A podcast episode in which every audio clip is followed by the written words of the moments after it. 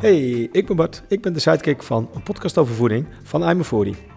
En ik ben Arnold, ik ben de host van een podcast over voeding. En dat is een podcast waarin wetenschappers en andere kenners aan het woord komen over voeding, beleid en onderzoek rondom voeding. Yes, en net zoals je bent gewend van I'm 40, vertalen wij in deze podcast de wetenschap naar de dagelijkse praktijk. Je kan ons natuurlijk vinden in elke podcast app waar je podcast luistert, zoals Apple Podcast, Spotify, Google Podcast of waar je ook maar luistert.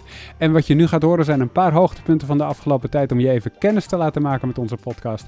Hopelijk ga je ons elke week luisteren, want we hebben als het kan, elke vrijdag een nieuwe aflevering in de feed.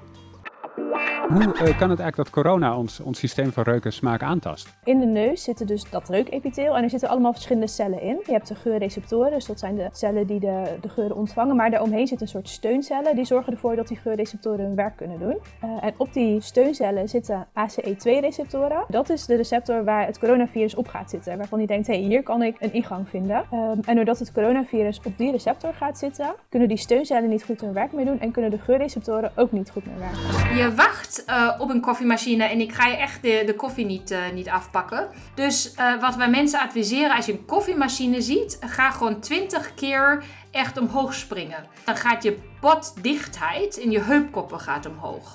daardoor worden die, de cellen in de heupkoppen geactiveerd en daar gaat meer botdichtheid in. En waarom is botdichtheid heel erg belangrijk? Omdat als je valt en je hebt een hoge botdichtheid, is de kans op een fractuur of een botbreuk Hey, en zijn er nog fabels uh, die hardnekkig leven bij mensen waarvan je zegt, nou dat moet ik echt even zeggen, die moeten de wereld uit?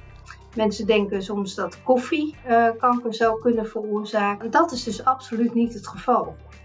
En uh, sterker nog, kan, koffie lijkt te beschermen tegen een bepaald aantal vormen van kanker, waaronder leverkanker bijvoorbeeld en baarmoederkanker.